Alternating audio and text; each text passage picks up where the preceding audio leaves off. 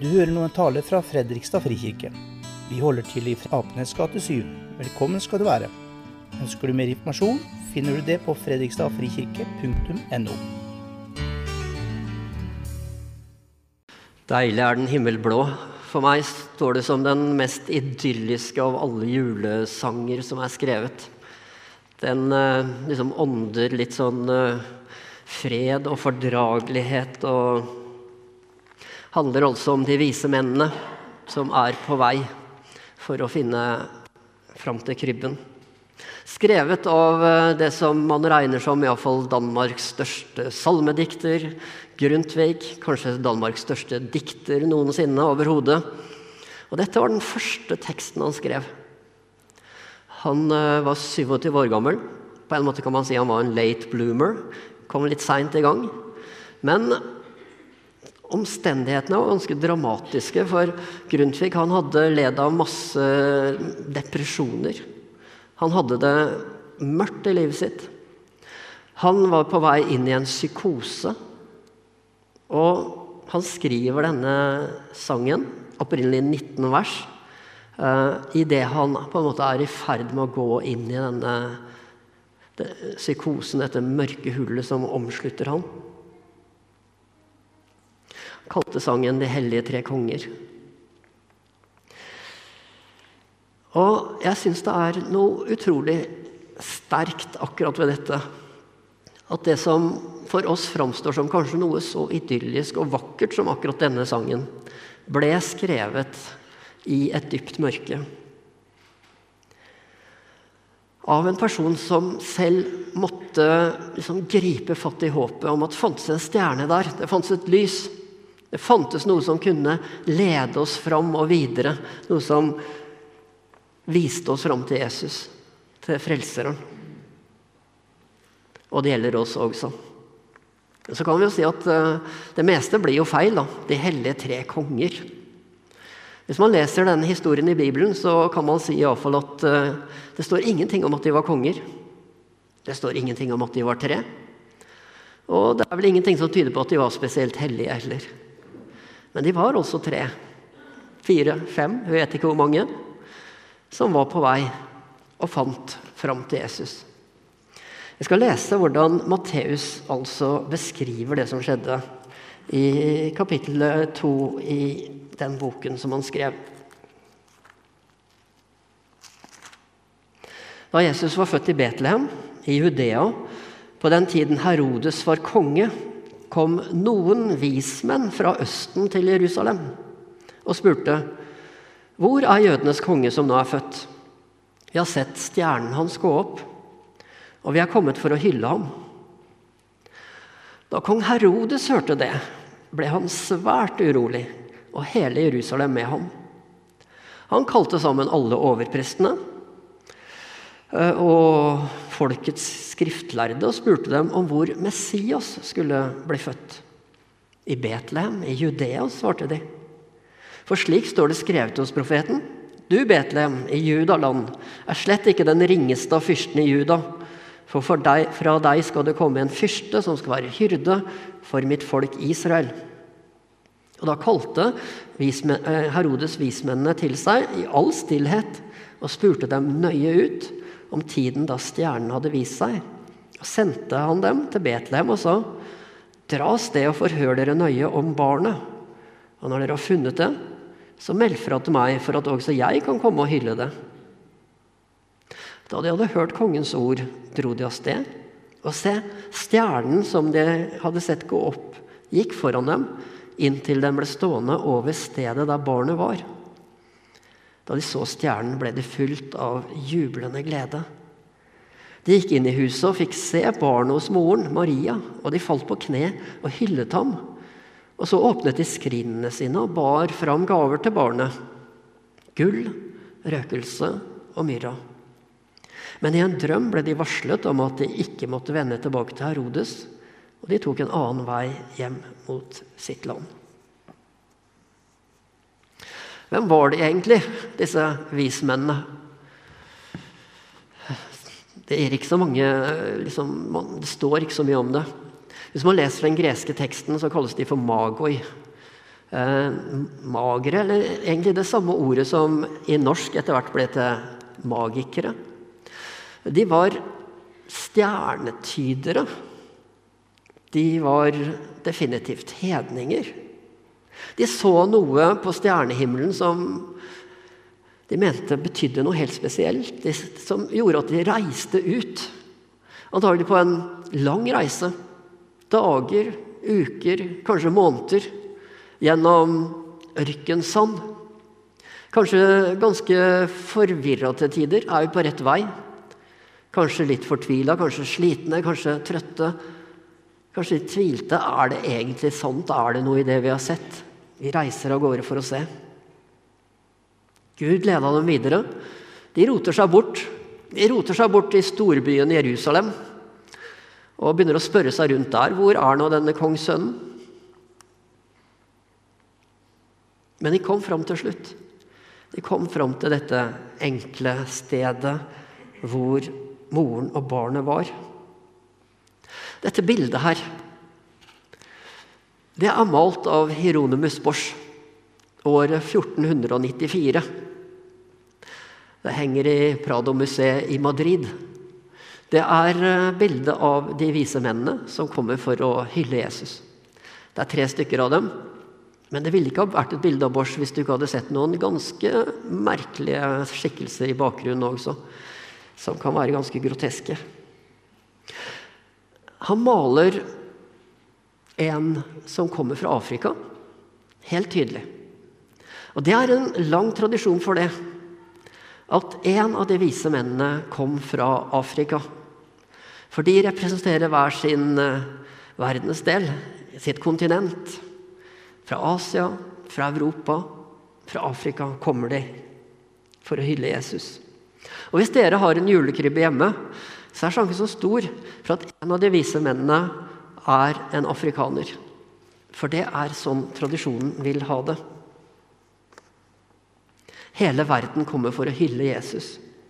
Han kom til alle. Vi hørte lys, lest fra profeten Jesaja. Folkeslag skal gå mot ditt lys. Konger gå mot din soloppgang. Det var nok herfra man fikk de tre kongene, for det var det som sto hos Jesaja. I Det gamle testamentet så hadde Gud ett folk.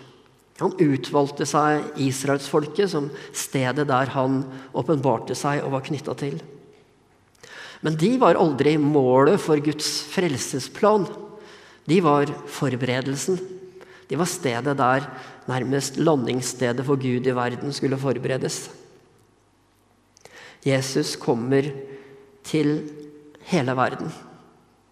Gud er hele verdens Gud. Jesus er hele verdens frelser. Og Gud gjør ikke forskjell på folk. Matteus, skriver historien om vismennene. Vi har hørt en tekst fra ham før i gudstjenesten i dag, nemlig misjonsbefalingen. Helt i starten av evangeliet sitt så forteller Matteus om disse folkene som kommer langt borte fra for å hylle Jesus. Og han avslutter evangeliet sitt med at Jesus står og forteller disiplene sine nå skal dere reise ut i hele verden og fortelle evangeliet. Jesus kommer til alle mennesker og alle slags mennesker. Kanskje de som hadde aller vanskeligst for å ta til seg budskapet, det var jo de som var opptatt av religion og moral. Sånne som oss, kanskje. De syntes Jesus var vanskelig å ta til seg. Men tollerne og synderne og slavene og horene og de blinde og de fattige de samla seg om han i flokker. Gjeterne som satt der og frøs denne natta, dem kom han til. De fikk se han. Stjernetyderne, som var hedninger og sikkert knapt nok visste hva en bibel var, de åpenbarte han seg for. Og lyset, det strålte ekstra sterkt for de som var i mørket. For de som trengte det aller mest. De som kanskje var inne i sitt eget mørke, eller som falt utafor. afrikaneren ved krybben. Afrika, et av de stedene hvor evangeliet først kommer i Det nye testamentet. I Apostlenes gjerninger 8, kapittel 8 så står det om eh, den etiopiske hoffmannen som er på vei hjem. Og Der blir møtt av evangelisten Philip, som forteller han om Jesus og evangeliet, og døper han. Og Han er den første kristne som reiser da til Etiopia og forblir en kristen der. Og I Etiopia fins en av de eldste kristne kirkene i verden, som det er i Egypt. Det tok 1000 år før evangeliet klarte å krabbe seg opp hit nord til oss. Eh, det var vel ikke det, mest, eh, det stedet man hadde mest lyst til å reise, vil jeg tro. Verken da eller nå. Men eh, i Afrika så spredte evangeliet seg utover. Og ikke minst vestover. De, mange av de store, tidlige teologene i kirken de var afrikanere. F.eks. den største av dem alle, kanskje, Augustin. Han kom fra Algerie. Og i dag så er det flere kristne i Afrika enn på noe annet kontinent i verden. Julekrybben minner oss om det. Kristendommen er ikke norsk, europeisk. Den er universell, den er for alle. Den er afrikansk, den er asiatisk, den er for alle. For to dager siden, 6. januar, så feira man jul i den ortodokse kirken. Eh, og vi kaller den dagen egentlig Hellig tre kongers dag. Og jeg leste noe om Hellig tre kongers dag i magasinet Strek, som for øvrig er verdt å anbefale for dere som vil ha litt fordypning i troen. Her er det en artikkel som handler om julekrybben og om afrikaneren der. Og så står det Det er skrevet av Halvor Moxnes, som har vært professor i teologi ved Universitetet i Oslo. 6. januar bør bli en dag mot rasisme.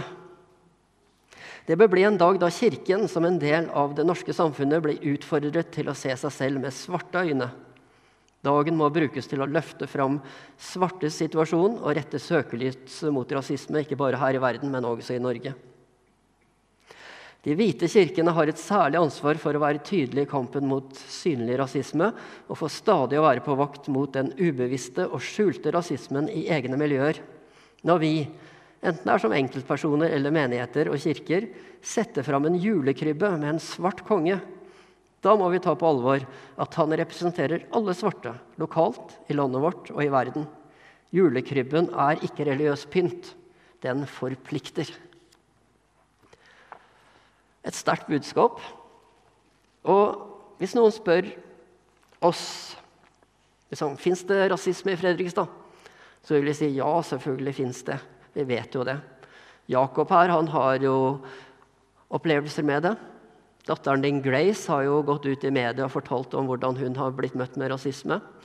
Eh, Bl.a. når hun har brukt den fine Østfold-bunaden sin. Rasisme fins. Fins den her? Fins den hos oss? Og jeg vil si nei, nei, nei. Iallfall ikke hos meg. Det har slått meg en ting.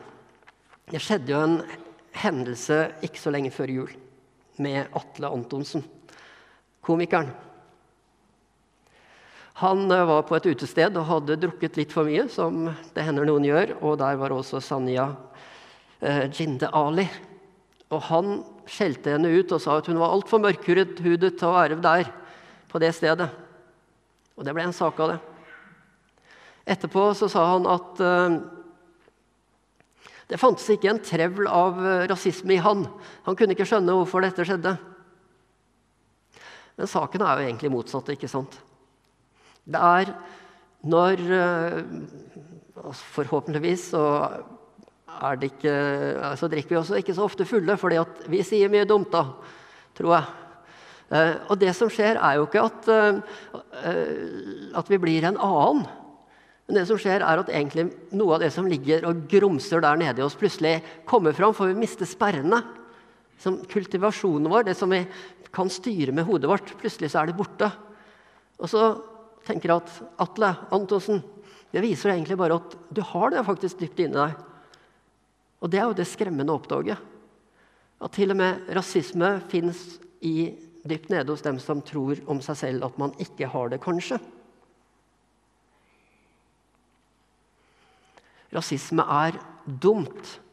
Det er så dumt fordi at det har ikke noen mening. Men det er ikke bare det. Det er synd. Det er helt klart en bibelsk synd. Jakobs brev kapittel 2 vers 9. Gjør dere forskjell på folk, synder dere. Når Jakob skrev det, så tenkte han på rike og fattige.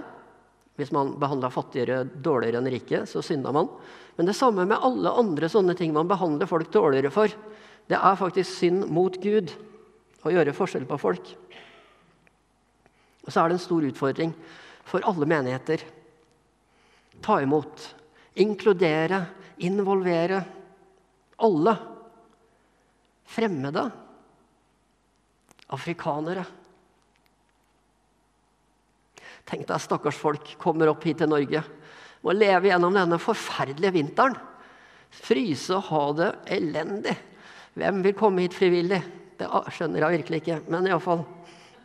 Det som er mye verre enn denne vinteren ute, det er jo hvis man møter kulde i hjertet hos mennesker.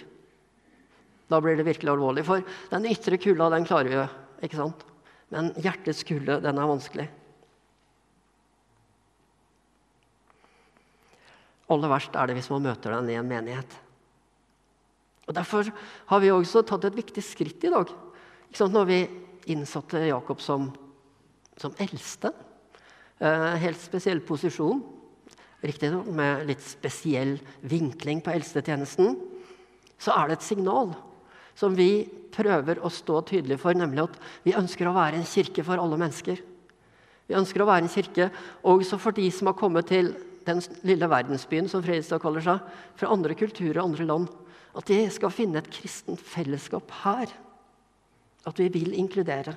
Vi vil involvere. De er velkomne. Og ikke bare i menighetens samlinger, ikke bare for å sitte på en gudstjeneste, men også for å gjøre en tjeneste også inn i våre liv. Vi ønsker å bli venner. De er brødre, de er søstre. Vi er det alle sammen. Vi er alle samla som disse vismennene om krybben til Jesus. Herfra og derfra. Vi har kommet gjennom livet, alle sammen. Noen av oss med skrubbsår og noen med ganske dype sår. Og så står vi der framfor dette underet. Verdens lys. Jesus, vårt lys. Og hva har vi med oss? Hva har vi i skrinet når vi åpner det opp? Er det gull? Er det røkelse? Er det myra, som ingen vet hva er engang? Altså, det er en fin salve, da. Uh, så Eller hva har du å komme med? Hva er det du står med? Jeg tror det eneste Jesus er interessert i, er om vi står her med livet vårt. Her er jeg. Ikke sant? Du kan bruke meg. Og kanskje sånne som oss, helt vanlige mennesker, kan reflektere noe av dette lyset som stråler ut fra barnet, fra Jesus, som treffer oss, og som vi kan gi videre. Jesus trenger oss for at det skal skje her. Så hver en utsending en videreformidler av det Jesus gir.